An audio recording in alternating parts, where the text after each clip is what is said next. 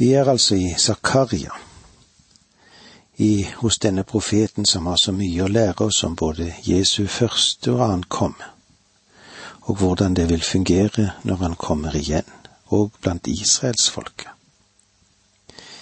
I det første verset i kapittel 13 står det slik:" Den dagen skal det være en åpen kilde for Davids hus og for Jerusalems innbyggere til å rense bort synd og urenhet. Alt dette burde vi alle sammen ta konkret inn over oss. En av årsakene til at mange mennesker i vår tid tror at Gud ikke har den fremtidige hensikt med Israel. De tror ikke at Gud mener det han sier. Du kan ikke lese det kapitlet som vi har hatt foran oss nå, og avvise det uten at du åndeliggjør det, og at du mener noe helt annet. Om du gjør det, så har du ikke noen særlig høye tanker om Skriftens inspirasjon. Selve sentrum i Guds plan, som vi så i kapittel tolv, er Jerusalem. I de tre siste kapitlene denne boken, kapitlene 12, 13 og 14, så dukker navnet Jerusalem opp 21 ganger. Gud vil ikke ha brukt det så mange ganger uten at, at han mener det han sier. Han talte ikke om London eller Paris eller hva det måtte være. Han talte om Jerusalem og dr. Merrill Unger sier i sin kommentar til Zakaria-boken. Bare en bokstavelig tillemping eller anvendelse av disse profetier til gjenopprettelse og omvendelse av det jødiske folk ved Kristi ankomme kan være tilfredsstillende for det perspektiv disse profetiene legger foran oss. Andre tolkningen over det ser det sanne perspektivet som Zakaria-profetier har gitt oss, og som i helhet kanskje har krenket den umiddelbare sammenheng eller kontest. Og så henfaller de til meningsløs mystifisering. Og hva skjer da? Jo, da ender det opp i et villnis av usikkerhet og forvirring. Og det kan nok dekke den forståelsen som jeg òg har av dette. Og jeg tror at åndeliggjøring mange ganger praktisk talt er en fornektelse av inspirasjon av det som vi har i Guds ord. Og igjen, hva vil Kristi gjenkomst bety for Israel? Den dagen skal det være en åpen kilde for Davids hus og for Jerusalems innbyggere til å rense bort synd og urenhet. Den dagen. Vi har allerede sett at den dagen henviser til den store trengsel, og den fører oss inn i tusenårsriket. Kristus vil komme til jord ved slutten av den store trengsel og da skal han opprette sitt rike. Dette, henvis, dette verset henviser ikke til Kristi første komme. Den gang åpnet han ikke en kilde for Davids hus og for Jerusalems innbyggere, til å rense bort synd og urenhet. I stedet fornektet de ham og korsfestet sin frelser. Selv Paulus skriver om dette i Romerbrevet 10,3. De kjenner ikke Guds rettferdighet, men vil bygge opp sin egen rettferdighet. Og derfor har de ikke bøyd seg under rettferdigheten fra Gud. En kilde, en kilde som er Guds rensende kraft, som ble åpnet ved at Kristus døde på et kors han døde på korset. Ved hans første komme fornektet Israel sin Messias-frelser. Og denne kilde skal være åpen for dem ved hans andre komme her til jord. Kapitlet vi nå er inne i, behandler for, og fortsetter den presentasjonen som vi har gått igjennom av Guds program, slik som vi så det i det tolvte kapitlet, at på den dag skulle Gud utgyte sin ånd over Israels folk. Også profeten Joel talte om dette. Det er ved denne tid at kilden skal bli åpnet for dem, som da skal være når de innser at Kristus ble korsfestet for dem. Vi har sett at de skal skue opp til ham. Nå må du huske på at dette er Guds ord, og han formulerer det helt klart. Da skal de se på meg, på ham som de har gjennombåret, og sørge over ham. Dette vil bli en mektig forsoningens dag for dette folket, når Kristus kommer igjen andre gangen. De skal rystes dypt, og Guds ånd skal ta bort dekket fra deres øyne. Paulus gjør det klart at dette dekket kan bli tatt bort også i dag, om de virkelig vil oppgi sin synd. Du forstår at menneskets problem er et hjerteproblem, og ikke et hodeproblem. Dypest sett har vi ikke intellektuelle problemer. Vi har ikke stor nok hjertekapasitet til å ha å gjøre med en skaper av universet, med en evig Gud. Menneske, mennesket sitt problem er at de ikke ønsker å oppgi sin synd. Og det er sant om israelsfolket, og det er sant også om hedningene. Ja, det er sant om oss alle. La oss erkjenne det.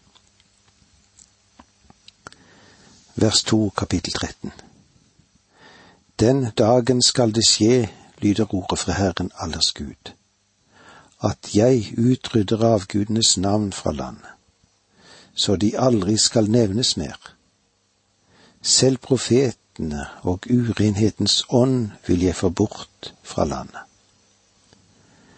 På den dagen skal det skje. Igjen er det markert når dette vil skje. Jeg vil utrydde avgudenes navn fra landet.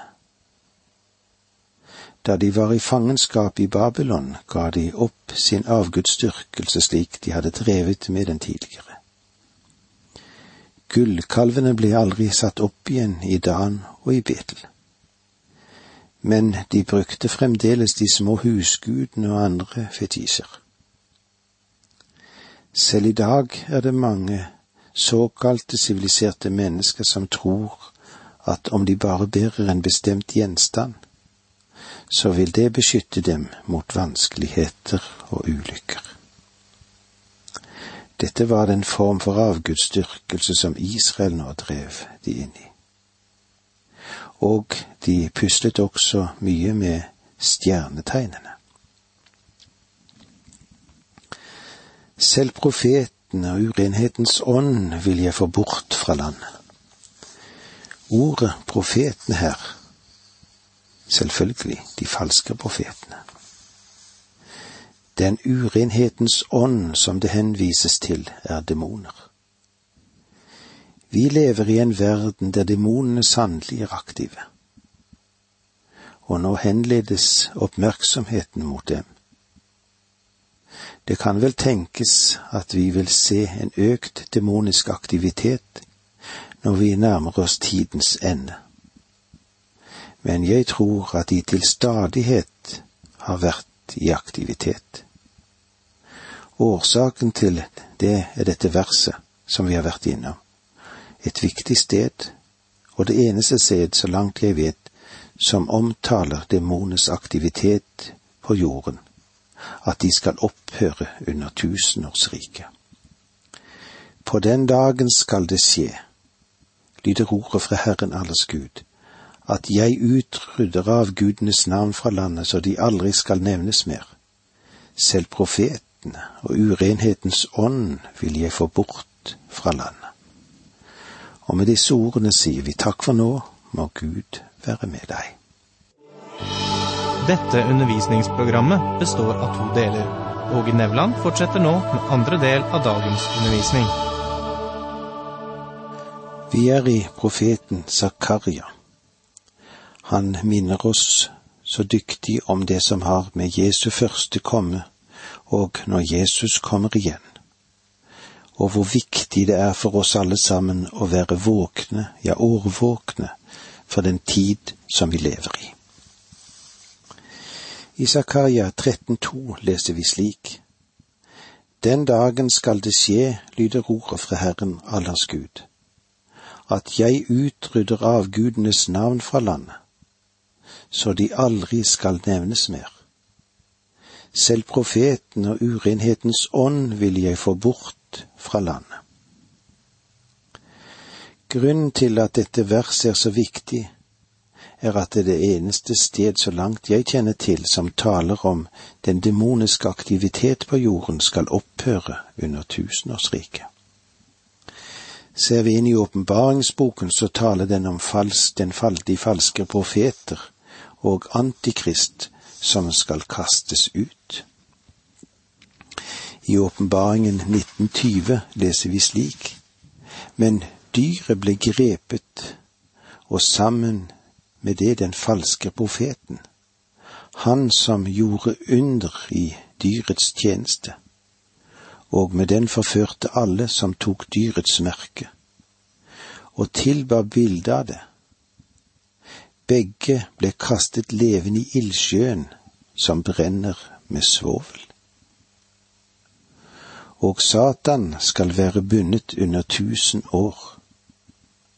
Det ser vi i Åpenbaringen 20, versene 1 til 3.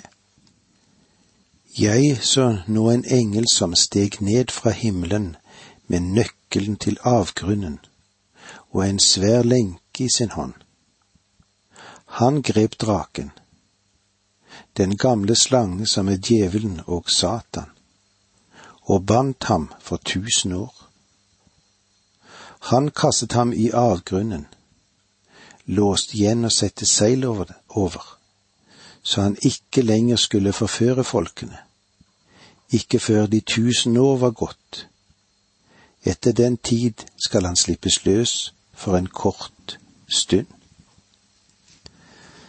Så vi vet at den falske profet og Antikrist vil være i ildsjøen, og djevelen bundet i avgrunnen. Det sies ikke noe i åpenbaringen om at demonene også til sist skal kastes ut. Men det er logisk å tro at det vil bli gjort ved denne tid også. I det minste så vet vi at de vil bli fjernet fra jorden. En skulle tro at når et folk er blitt løst fra hedenskap, så ville de ikke gå tilbake til det. Men i dag, ja, i dag så driver verden inn i en ny avgudsperiode. Inn i mørket. På grunn av manglende kunnskap om Guds ord. Likegyldighet for Guds ord gir en ny drivkraft til det okkulte og det ser ikke ut til å være mangel på drivkraft i denne forbindelsen. Hvor helt annerledes verden ville være når avgudsdyrkelse og demoniske krefter er fjernet fra hele vår jord. I det tredje verset her i kapittel 13 står det slik. Om noen fremdeles taler profetord, skal hans far og mor hans egne foreldre si til ham. Du skal ikke få leve, for du har talt løgn i Herrens navn. Og hans far og mor, hans egne foreldre, skal stikke ham ned fordi han har opptrådt som profet. Dette er et uvanlig sterkt språk, men det forteller bare ganske enkelt at det kommer en dag da Guds barn skal sette Herren først. De forrådte ham første gang han kom, og han forrådes stadig i våre dager. Men i fremtiden skal de være trofaste mot ham, selv om deres barn skal profetere falskt om Herren. Vers fire Den dagen skal det skje at enhver profet skammer seg over sine syner når han forkynner og han skal ikke kle seg i lodden kappe for å lyve.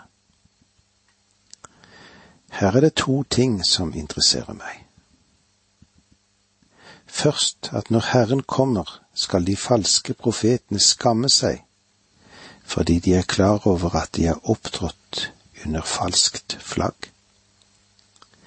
De skal åpenbart stilles til skue fordi den Herre Jesus er kommet og han har avslørt at de alle sammen er løgnere. Det andre vi legger merke til, er at han skal ikke kle seg i lodden kappe for å lyve. Det klesplagget som profeter bar, var en kappe av grovt ugarvet saueskinn, eller geiteskinn, eller en kappe av kamelhår. Da Esau ble født, sies det at han så slik ut. Profeten Elie hadde en slik kappe, og det var denne kappen som ble kastet over hans etterfølger Elisha. Det var et plagg som markerte en mann som en Guds profet. Og de falske profetene ville kjenne seg skyldige for å ha forsøkt å fremstille seg selv som sanne profeter. Du forstår, Zakaria prøvde ikke å si noe nytt, men noe som var velkjent for mennesker i hans samtid. Vers fem Han skal si, Jeg er ikke noen profet, jeg er en jorddyrker. For det var en som kjøpte meg til trell da jeg var ung gutt. De menn som var falske profeter, vil nå gå tilbake til sitt jordbruk. De neste to versene er oppsiktsvekkende. Faktisk er det slik at en del kritikere har villet fjerne den, de fra teksten, fordi de, det de sier der, er sjokkerende. Denne profetien ble gitt ved den tiden, og det er det. Og det er selve underet i den og det er da sannelig ingen unnskyldning for å fornekte det. Denne profeti står det også at den vil vekke oss. La meg få nevne at det er forskjellige meninger om hvem disse versene dreier seg om. Jeg tror at det er Kristus. Vers seks. Om noen spør ham, hva er det for slags sår du har på brystet, da vil han svare, Jeg er blitt slått i min elskers hus. Her skal vi merke oss at det er en forskjell mellom den nye oversettelsen og oversettelsen fra 1930. I den gamle oversettelsen så står det slik, Hva er det for sår du har i dine hender? Hva som er grunn til endringen i den nye oversettelsen, er jeg ikke helt klar over. Hva slags sår, sår har du på brystet? Hva er det for sår du har i dine hender? Jeg er blitt slått i mine elskers hus. Den kjærlighet her er ikke snakk om en tilsynelatende kjærlighet. De elsket ham egentlig ikke. De hatet ham. Slik var det også ved mesterens første komme. Skriften sier at de hatet ham uten årsak. Johannes 1, 11. Han kom til sitt eget, men hans egne tok ikke imot ham. Men alle dem som tok imot ham, ved den tiden de ga han rett til å bli Guds barn. Vel, når Ånden øses ut, da skal de, det vil si den rest det er tale om, ta imot ham. Og de skal undre seg og si, Hvor fikk du disse sårene i dine hender? Og han skal svare, Jeg ble såret her da jeg kom første gang. Han kom til sitt eget folk. Han kom til den jødiske rase. Husk at kvinnen i Samaria beskrev ham som jøde. Dette var hans folk. Bare en liten rest tok imot ham på den tiden. Og det ser ut til at det faktisk bare er en rest som vil ta imot ham også ved hans andre komme. Selv om jeg vil tro at det blir en langt, langt større rest. Om noen spør ham, hva er det for slags sår du har på brystet? Da vil han svare, jeg er blitt slått i mine elskeres hus. Hva er det for sår du har i dine hender? Og med disse ordene sier vi takk for nå, må Gud være med deg.